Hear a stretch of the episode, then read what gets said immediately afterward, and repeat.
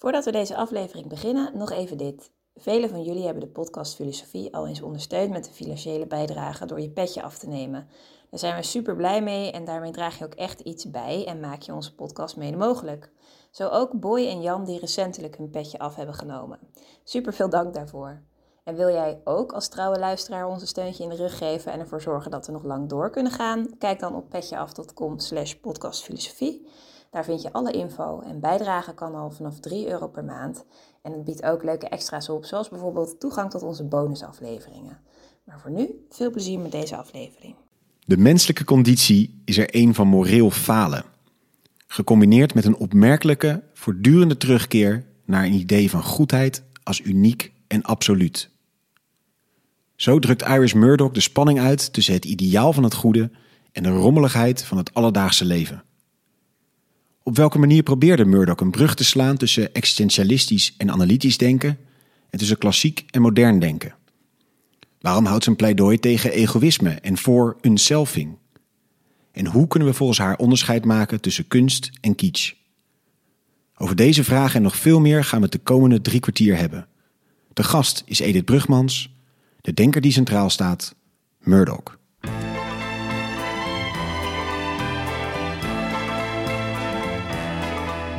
Les où le poids et l'ennui me le dos.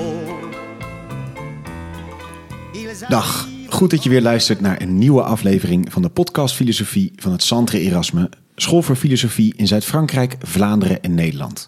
Mijn naam is Allard Amelink. Het concept van de podcast is inmiddels wel bekend. Een hoofdgast, een presentator en een sidekick. En in 45 minuten duiken we in het denken van één filosoof. Vandaag zit naast mij Jozef Vaanders. Goedemiddag, net. Wel net niet, 12 uur precies. Ja, hangt natuurlijk compleet vanaf wanneer de luisteraar dit luistert. Maar voor ons is het inderdaad middag. En we zijn te gast bij Edith Brugmans.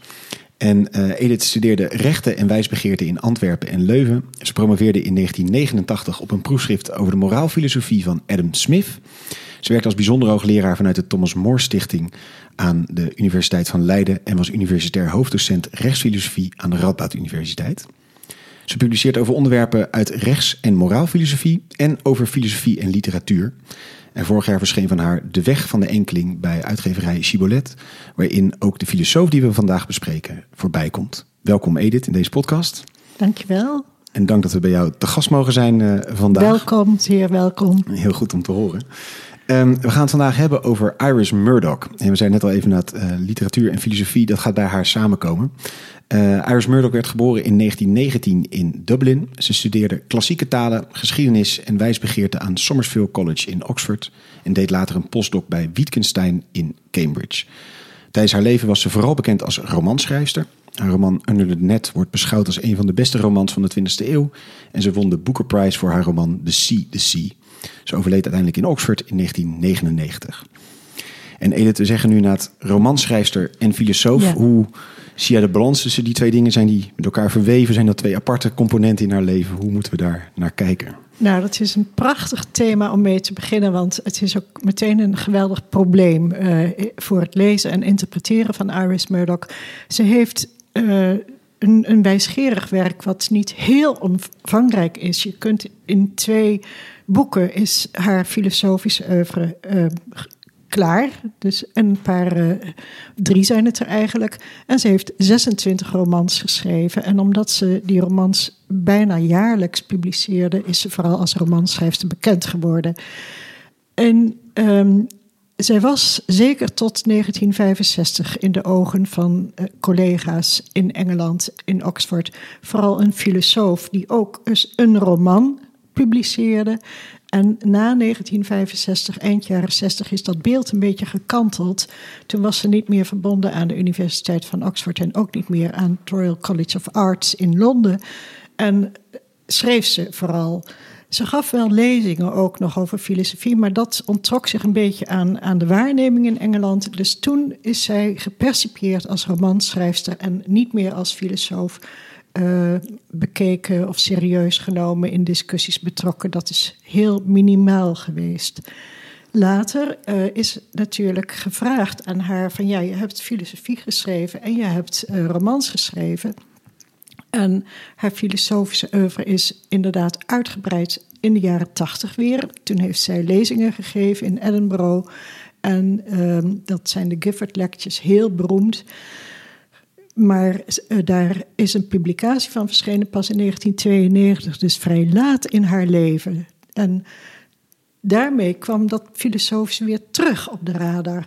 Dus het is een bijzondere ontwikkeling. En zij is daar ook over gevraagd: van wat, wat, hoe Wat zit vind je daar nou van? Hoe zie jij die balans? Hoe voel je je primair? en ja. zij heeft zelf in een eh, beroemd geworden interview met Brian McGee voortdurend gezegd: het zijn twee aparte disciplines. Ik schrijf geen filosofische romans en ik doe geen literatuur in mijn eh, filosofie. Nou, dat is gewoon niet waar. Dus Ik kan ze vinden, maar dat is niet zo. het is echt helemaal niet waar, want ehm, eh, stukken, bijna letterlijk soms, uit haar filosofische opstellen, vind je dus terug in een roman. Ze, ze kopieert dingetjes van haarzelf. En nu, eh, er wordt heel veel onderzoek gedaan naar het werk van Murdoch. Dat is in de laatste twintig jaar geëxplodeerd. En dit punt wordt dus ook voortdurend besproken. En steeds meer komt aan het licht hoe die romans verweven zijn met haar filosofische werk. En hoe je dus haar, ja, je kunt haar romans uitleggen aan de hand van haar filosofie. Sommigen doen dat, ik vind dat leuk. Anderen zeggen, nou, moet je niet doen, dat is zonde. Je kunt de romans ook gewoon lezen hoor. Zonder Als die- een ja, roman gewoon, ja. Prima. En je kunt die filosofie ook zonder de romans eh, lezen. Dat gebeurt heel veel. En dat vind ik wel een beetje jammer. Ik vind dat haar romans wel degelijk een verrijking eh, en een verheldering. denken En vooral ook het speelse en experimentele van haar filosofie laten zien. Want ze is een moraalfilosoof en dat is een ernstige aangelegenheid. En eh, ze argumenteert en, en eh, betoogt en het zijn serieuze problemen. Maar ze speelt er ook mee. En door die romans erbij te betrekken wordt dat element veel duidelijker. Helder. Waarom zou ze dat zelf zo uit elkaar hebben willen trekken als je zegt inhoudelijk is dat eigenlijk helemaal niet eh, gerechtvaardigd om dat zo te zeggen? Waarom is daar een idee over waarom ze dat zelf op die manier heeft gesteld? Ehm, Of is dat gissen? Het is een beetje gissen. Eh, mensen zeggen ze wil gewoon serieus genomen worden als filosoof Ja. en als romanschrijfster. Schrijfster, En ehm, ze heeft een hekel aan, zegt ze zelf, belerende romans.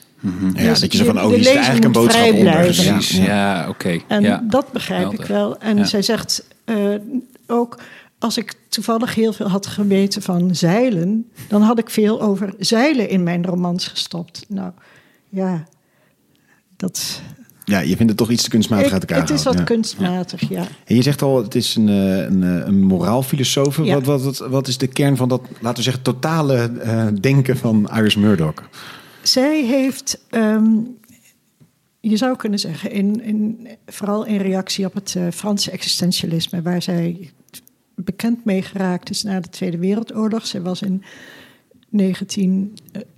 1942, ehm 45, sorry, in 1945 was zij in eh, Brussel en ze ontmoette Sartre daar ook. En zij heeft meteen, ze was diep onder de indruk, Lettre et le eh, gelezen in het Frans. Ze heeft werk van Simone de Beauvoir gelezen, van Camus gelezen. En ze was daar erg door getroffen. Ehm, en wat haar frappeerde was dat het ging over het leven, over de menselijke conditie.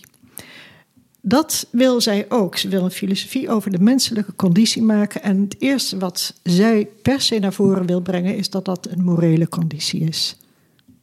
Dus anders dan bij de Franse existentialisten, die nogal benadrukken dat de mens geworpen is in een wereld waar de mens niet in past. Hè, dat, dat is die absurditeit en die zinloosheid, die natuurlijk prachtig... walging. de walging. Maar ook bij Camus de, in De Vreemdeling. Dus die vervreemding. Hè, gaat Murdoch net een beetje anders te werk. De menselijke conditie is een morele conditie. En het gaat altijd om goed en kwaad in, dat, in de werkelijkheid staan. En vooral in relatie tot andere mensen staan. Dus waar, waar het bij de, de- meer de Franse tak, zeg maar, dus in een ja, absurde wereld Ja. is, die dus in principe daarmee ook niet duidelijk goed fout bevat, is het bij Murdoch wel echt, er zit een, een morele component ja, in. er zit een morele component in.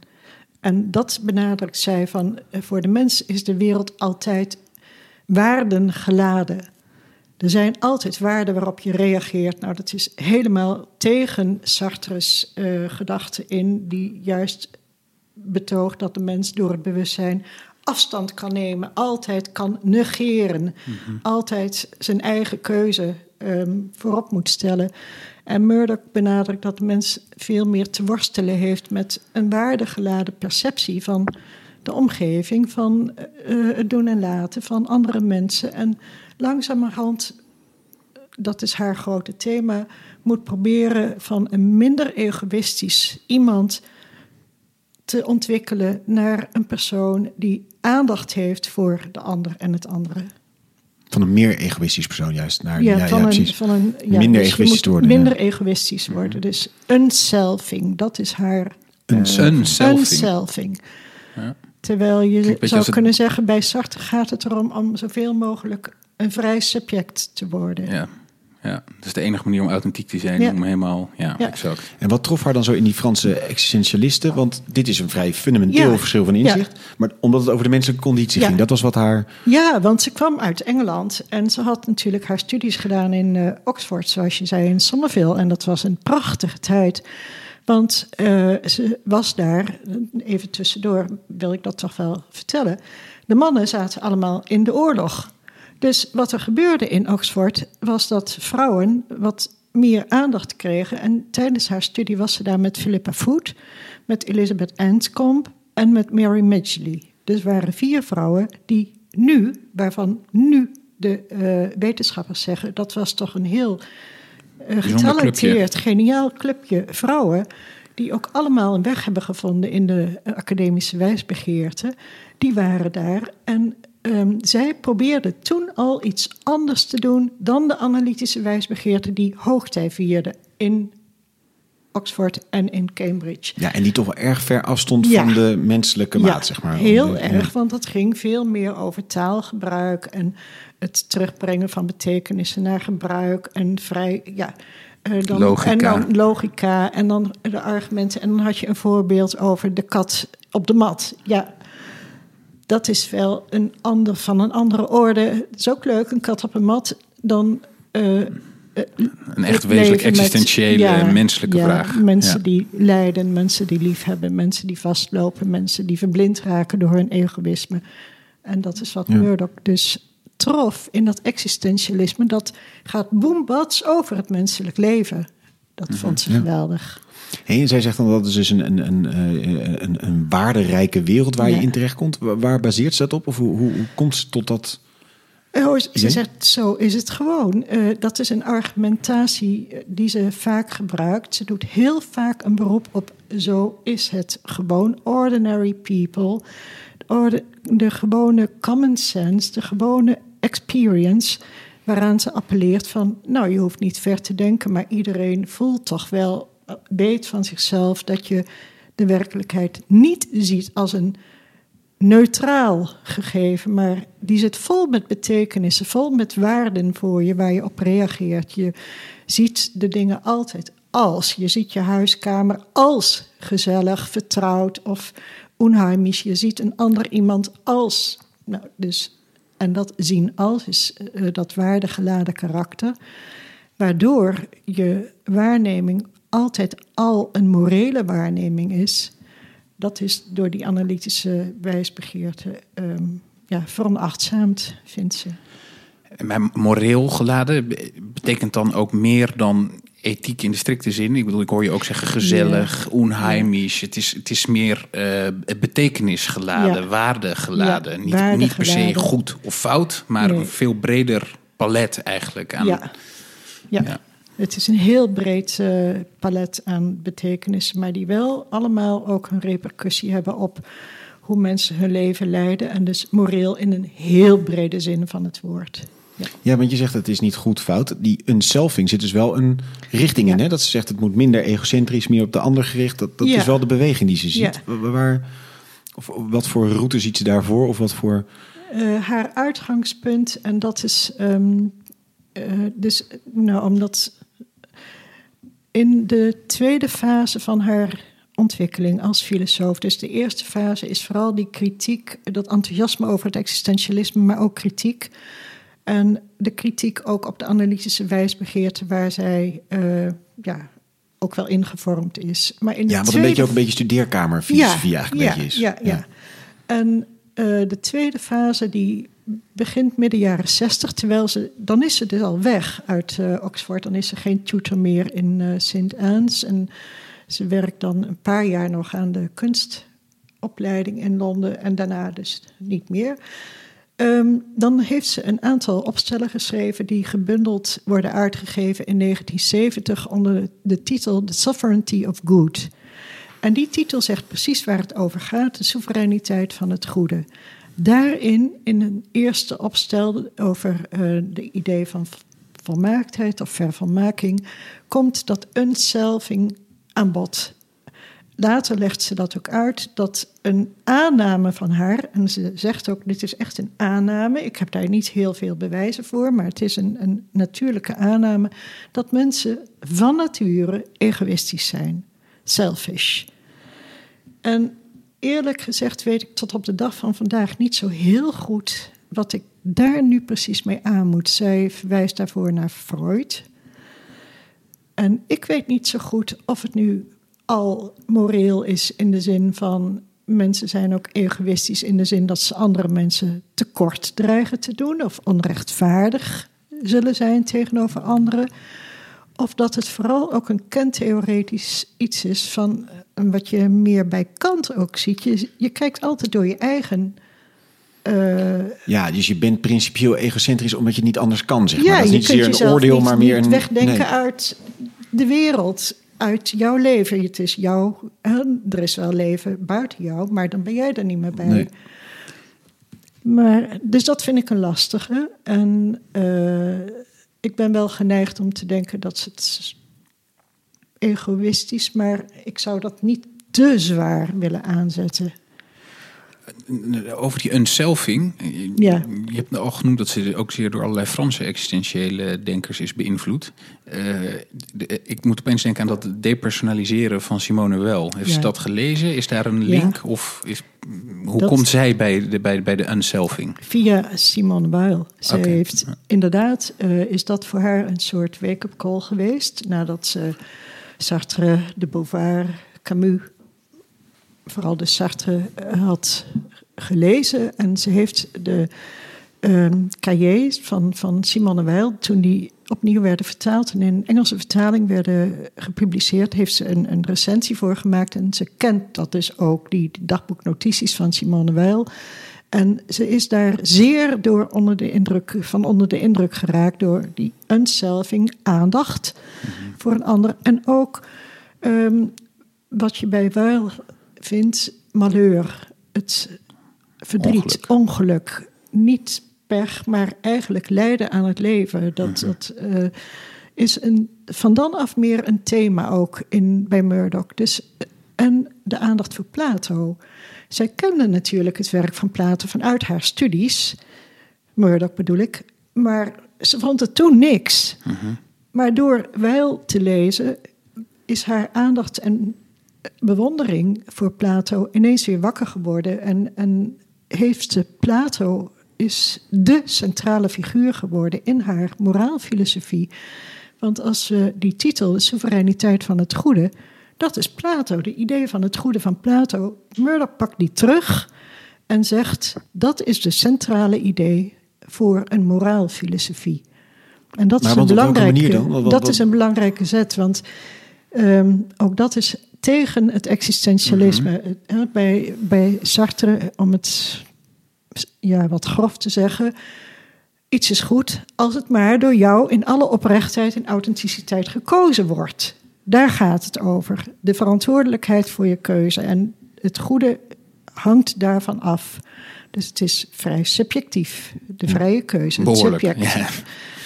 Dat wil Murdoch niet. En die idee van het goede is voor haar een objectief gegeven, een realiteit, niet alleen voor haar, maar voor alle mensen. Dat is wat ze verdedigt.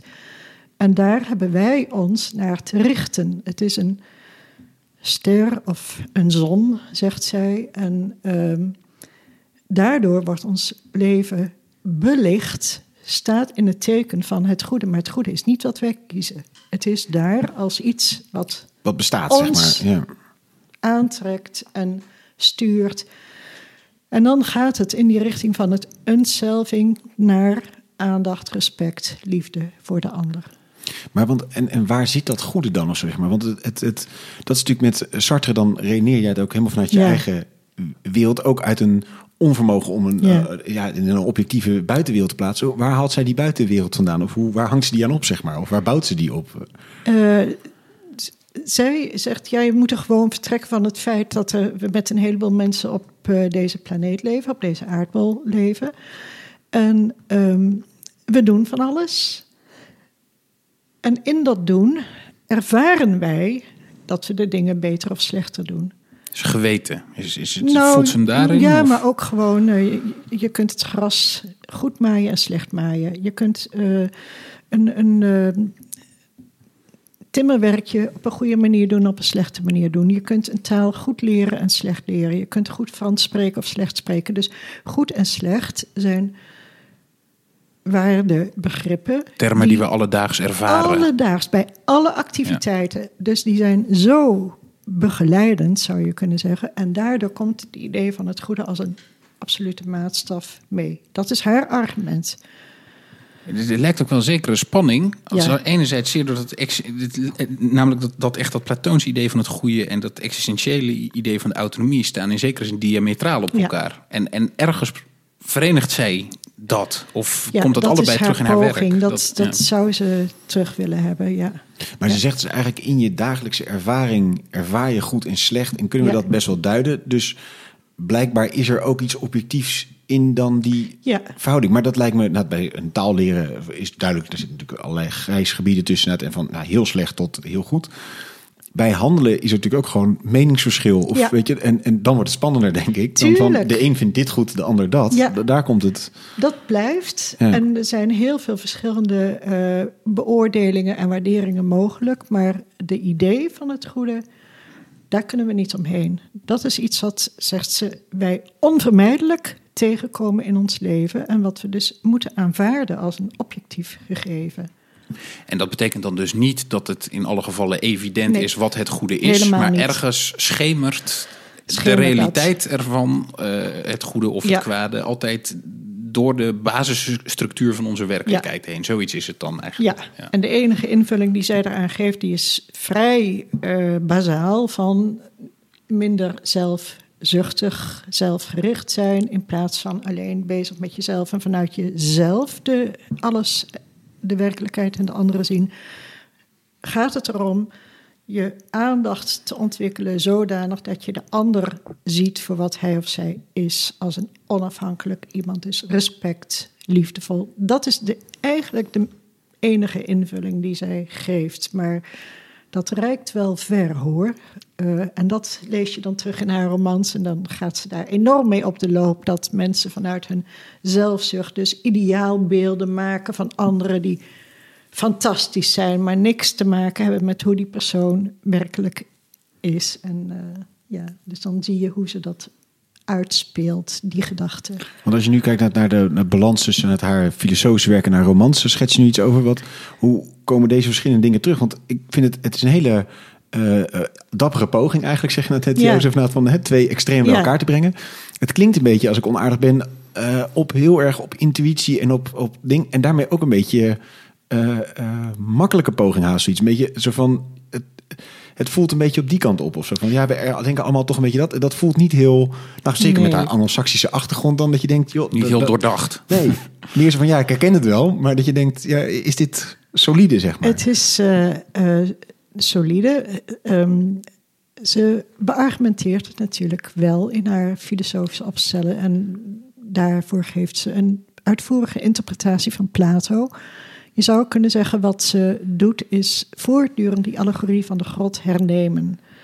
En wat ze wil voorkomen, is dat die idee van het goede in een transcendente werkelijkheid wordt geplaatst.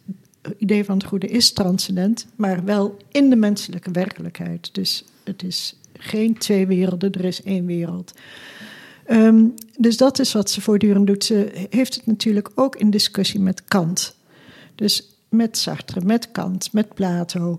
Ehm, de werkelijkheid van het goede, dat beargumenteert ze ook door het ontologisch argument van Anselmus te gebruiken. Hè? Het ontologisch argument voor het bestaan van God, beroemd van Anselmus uit het uh, Proslogion. Dat herneemt ze om te zeggen, ja, het is niet God, maar het goede dat noodzakelijk bestaat. Dus hoe, gaat dat argument? Dat argument van Anselmus, uh, dat is groter dan het welk wij niet kunnen denken. Dat is wat God is. Een eenvoudige versie is: uh, God is perfect. Aan perfecte kan niks ontbreken. Dus ook het bestaan kan er niet aan ontbreken. Dus God bestaat noodzakelijk. Dat en we hebben recent ook nog gehoord bij uh, Descartes, ja. die hem ook gebruikt ja, als, die als gebruikt hem ook. En, en uh, groter dan het welk je niet kan denken is een wat mooiere versie daarvan. Maar dat komt daarop neer. Ja, Dus iets wat perfect een- is, kan niet niet bestaan, want daarmee zou het niet perfect zijn. Ja. Nou, en zij herneemt dat argument om niet God, maar het goede. Als werkelijk en noodzakelijk bestaand. Dus het kan niet niet bestaan. eh, om dat Op te nemen in op de te nemen. werkelijkheid. Dus het is ja intuïtief. Ja, ze appelleert aan de ervaring. En ze zegt dat ook in haar laatste filosofische werk. Omdat ik dat doe, ehm, loop ik een risico, zegt ze. Mensen willen dat niet. Zeker die academische filosofie vinden een appel doen op de, aan de ervaring ja, nogal ehm, bedenkelijk. Want waar kom je terecht? Gemakkelijk misschien ook. Maar van de andere kant, als jij een filosofie wil die hoort bij het leven. en niet alleen in academische argumentaties. dan is dat gemakkelijke of schijnbaar gemakkelijke. ja, onderdeel daarvan natuurlijk. Dus dat wil ze, maar ze he- heeft dus toch ook, ehm, zoals ik probeer te zeggen, eh, de filosofische argumenten wel ja, serieus genomen. En een discussie met Kant en Plato en Anselmus en Sartre en Schopenhauer. Nietzsche komt af en toe voorbij. Dat is er Ja, ook. ze, ze speelt ook het filosofische Ja, spel op die zin dat, goed dat mee. zeg speelt maar. ze, ja. En als we dan kijken naar receptie, je, je zei, schetst al eerder even van ze is dan op tijd eh, eerst eh, wordt ze gezien als filosoof, dan een tijd als schrijfster en dan eigenlijk pas in 92 kwam die publicatie uit van die, die lezingen. Hoe is haar denken opgepakt of is er vervolgens ook weer op doorgeredeneerd? Ja, ehm, dus die, die tweede fase, dat is die sovereignty of good, dan is ze vooral moraal filosoof en dan wordt ze dus niet als zodanig ja, Nee. eh, erkend. Laatste fase, ehm, 1992, toen Metaphysics as a Guide to Morals. Ook die titel is veelzeggend. Hè? Metafysiek die een gids is naar moraal. Daar komt vooral die rijkwijde, de, de enorme brede begrip van moraal dat zij eh, hanteert naar voren en dat ook dus de hele metafysica ja, Meekomt. meekomt. Ehm, toen dat werk Ja, want sorry, want wat is er ja. breed aan het begrip van de moraal? Oh, dan? het, eh, heeft ook te maken met kunst, eh, met religie, spiritualiteit, met het bewustzijn. Dus we moeten onze begrippen van bewustzijn, van geest, van kunst, van religie hernemen om daar de morele, eh, om ze als morele, moreel geldige, moreel meedoende begrippen eh, te kunnen schatten. Hernemen als in daar moeten we eigenlijk opnieuw op waarde Ja. schatten, omdat Ja. we ze in dat Ja. licht moeten zien van. Ja, en ook beter begrijpen wat is kunst. Nou kun je allerlei verhalen over houden. Maar voor haar is dat ook een moreel belangrijke zaak. Dan heeft ze. ehm, Maar is met moreel dan vooral een betekenisvolle zaak bedoeld? nee, het, het heeft wel degelijk ehm, impact op of je wel of niet een goed leven leidt. Ik, zal dat, ik zal straks er nog iets zeggen over. eh, Ja, dan pakken als we die terug, precies. Ja, ja, ja. Maar, ehm, want dat is wel belangrijk. In Metaphysics as a Guide to Morals heeft ze de eerste paar opstellen gaan over kunst. Kunst heeft ook in de vorige werk altijd een belangrijke rol gespeeld en ook in romans. Grof gezegd wil ze een onderscheid maken tussen goede kunst en slechte kunst, zeg maar kunst, echte kunst en kitsch. Kitsch, wat doet dat? Dat is comfortabel, troostend. Dat voedt als het ware je eigen genoegen. Dat sluit eens aan bij die ja, zelfzuchtigheid. eh, bij, dat is goed voor jezelf, bij je zelfbeeld. Dat voedt je aangename zelfbeeld. Echte kunst, dat doet iets anders. Daar zit als het ware een gat in. Dat is niet helemaal af. Een echt goed schilderij vraagt aandacht om daarnaar te kijken. Trekt jou als eh, kijker naar dat schilderij. Je raakt daardoor geboeid. Je kijkt nog eens, nog eens, nog eens. En vervolgens stuurt dat schilderij jou ook weg de werkelijkheid in. Er zit dus een gat in dat schilderij, waardoor jij de bomen die erop staan, heb je zo goed gezien. En nu zie je ook buiten wat echte bomen echt zijn. Ze geeft het voorbeeld van de appels van Cézanne. Dat is een heel indringend schilderij. En pas door dat schilderij te zien, zie jij ook appels echt. Dat is wat goede kunst doet. Die richt jouw aandacht, waardoor jij beter leert kijken naar hoe de dingen echt werkelijk zijn. En dat is dus een morele ontwikkeling. Dat noemt zij moreel, omdat je aandacht geoefend wordt en je dus meer respect, letterlijk kijken naar de dingen echt hebt. En je aandacht ook weggeleid wordt bij jezelf. Bij dus dat hoor ik je eigenlijk ook Ja. zeggen. Dat je niet vastzit in die eigenheid, Nee, maar klopt. daar uitgebroken wordt. Ja. Dus het heeft ook iets, een, een, een zekere Precies. confrontatie, confronterende werking. Ja, heel juist. Ja, dat is wat er gebeurt. En dan, dus dat legt ze uit voor eh, schilderkunst. Ehm, dat is, daar heeft ze het vaak over. In haar romans komen ook figuren voor. Die dan ehm, bijvoorbeeld in de beroemde roman De Bel. Dan gaat Dora op een gegeven moment naar de National Gallery in Londen. En dan ziet ze dat portret van eh, die twee meisjes van Gainsborough. En daar raakt ze zo doorgeboeid. Nou, dat zijn scènes die als het ware revelerend zijn, waardoor een personage ineens beseft dat er meer is in de wereld dan alleen die, het zelf met eigen beslommeringen en de eigen moeilijkheden. Dus dat komt voortdurend terug. Ehm, ze praat ook wel over muziek, maar dan niet heel veel. En, maar ze heeft het natuurlijk wel over literatuur. En ze heeft haar voorkeuren. Maar ook hier geldt, goede literatuur, wat doet die? Die leert jou beter kijken, die neemt jou mee. Maar die vervolgens, er zit een gat in dat boek of toneelstuk, met name in de tragedie, waardoor jij ineens begrijpt wat Ja. lijden is. Dat is wat, wat En dus eh, zorgt dus goede kunst, hè, da- Ja. daar zit die morele component dan in, zorgt ervoor dat je een selfing-proces Ja. wordt voortgezet. Ja. Ja, dat je met een andere blik gaat kijken naar uit je eigenheid wordt getrokken en naar de ander kijkt. Ja.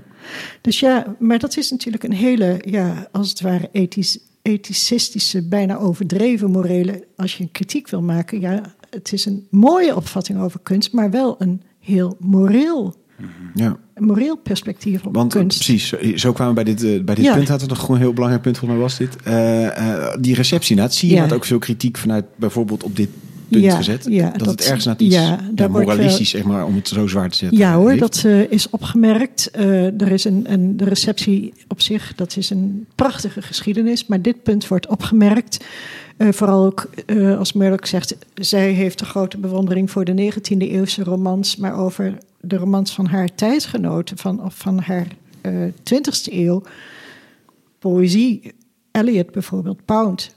Dat krijgt weinig aandacht en weinig bewondering. Ehm, dus daar is veel kritiek op. Waarom deze selectie? Eh, is het niet een, een te ethische benadering die ze maakt van ook schilderkunst? Ja, die Ja. kritiek wordt wel ontwikkeld. En misschien paradoxaal genoeg dat het toch ook een soort eh, eh, persoonlijke smaakcomponent Ja. zit. Waar je zegt dat het met een objectiviteit te maken heeft. Ja. Die er enigszins in doorklinkt. Ja. Ik vind het gewoon lelijke poëzie. Ja. Ik zie er, voor mij biedt het geen gat, zeg maar, dus- naar de werkelijkheid. Ja, dat, dat, ja. Dus die kritiek is er nu wel. En eh, er wordt sowieso meer kritiek ontwikkeld op Murdoch. Maar dat is iets van vrij recente datum. Eh, dat eh Metaphysics as a Guide to Morals verscheen in 1992. En toen gebeurde er eigenlijk niet heel erg veel. Die lezingen, op basis waarvan het dat werk gemaakt is, waren dus tien jaar eerder gegeven en dat was niet zo'n succes. De publicatie van Metaphysics as a Guide to Morals was aanvankelijk ook niet zo'n succes. En toen is er wat gebeurd rond haar overlijden. Dat weten jullie natuurlijk ook. Er was bekend, die film Iris kwam uit. Ja, met Nicole Kidman. Nee, sorry, met Eh, eh, Kate Winslet. Kate Winslet en Judi Dench. En eh, die de oudere Murdoch speelde. En uh, topactrice natuurlijk. En haar man, haar echtgenoot John Bailey, schreef een boekje over een, een memoire over Iris. Ehm, met name over de laatste jaren waarin zij Alzheimer had. Dus dat was een ontluisterend portret. Maar daardoor zijn wel de schijnwerpers op haar gericht. En tegelijkertijd rond 2000, dus 1999 is ze overleden, rond 2000, eh, 19, toen kwam in 1998 verscheen dat boekje van haar echtgenoot over haar. Toen leefde ze dus nog. Die film kwam in 2000, 2001. En ietsje later kwam de Iris Murdoch Society in Engeland volop in beweging. En nog Die bestond al, of die werd toen die opgericht? was er toen, maar er kwam wat meer Aandacht voor. eh, aandacht voor. En er kwamen vanuit diverse universiteiten allemaal ehm, scholars die zich met het werk van Murdoch gingen bezighouden.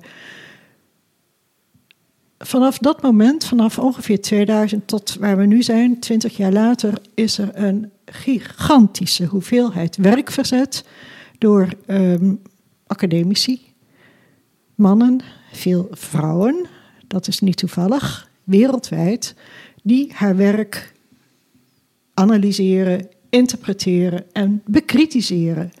En die ook de moeite doen om haar filosofische eh, gewicht te peilen, om haar plaats in de filosofische kanon duidelijk te maken en om haar als romanschrijfster eh, ook ja, weer opnieuw onder de aandacht te brengen, maar dan wel vooral in het licht van haar filosofie. Dus dat is wat er. Bij literatuurtheoretici heb je trouwens wel het omgekeerde ook hoor. De romans die dan aan de hand van de. Ja, die dan centraal staan, gebeurt ook. Ja. En als we dan dat gewicht en die positie zien, inderdaad, als je dat zou duiden, hoe, hoe 20 jaar na dato, Ja. welke plek neemt ze in? Ehm, het is nog volop in ontwikkeling. Ik denk dat men later zal zeggen dat ze qua moraalfilosofie een heel belangrijk ehm oneigentijds geluid heeft laten horen in de 20e eeuw door die soevereiniteit van het goede, die idee van het goede terug te brengen. Ik denk dat ze ehm, heel vruchtbaar is in de toekomst om vanwege de twee genres die ze beoefend heeft, filosofie en literatuur, daar kun je ontzettend veel mee doen. En ik denk dat dat een, een uitdaging is.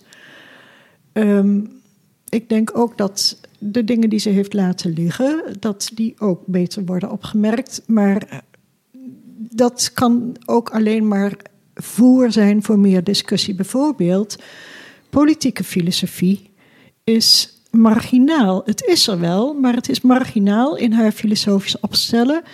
Het is er ook wel een politiek denken in haar romans, maar je moet goed kijken, goed zoeken en er gaan uitleggen. Er zijn altijd vluchtelingen, er zijn altijd Joden, er zijn altijd Gemarginaliseerde gemarginaliseerde mensen waar ze aandacht voor vraagt.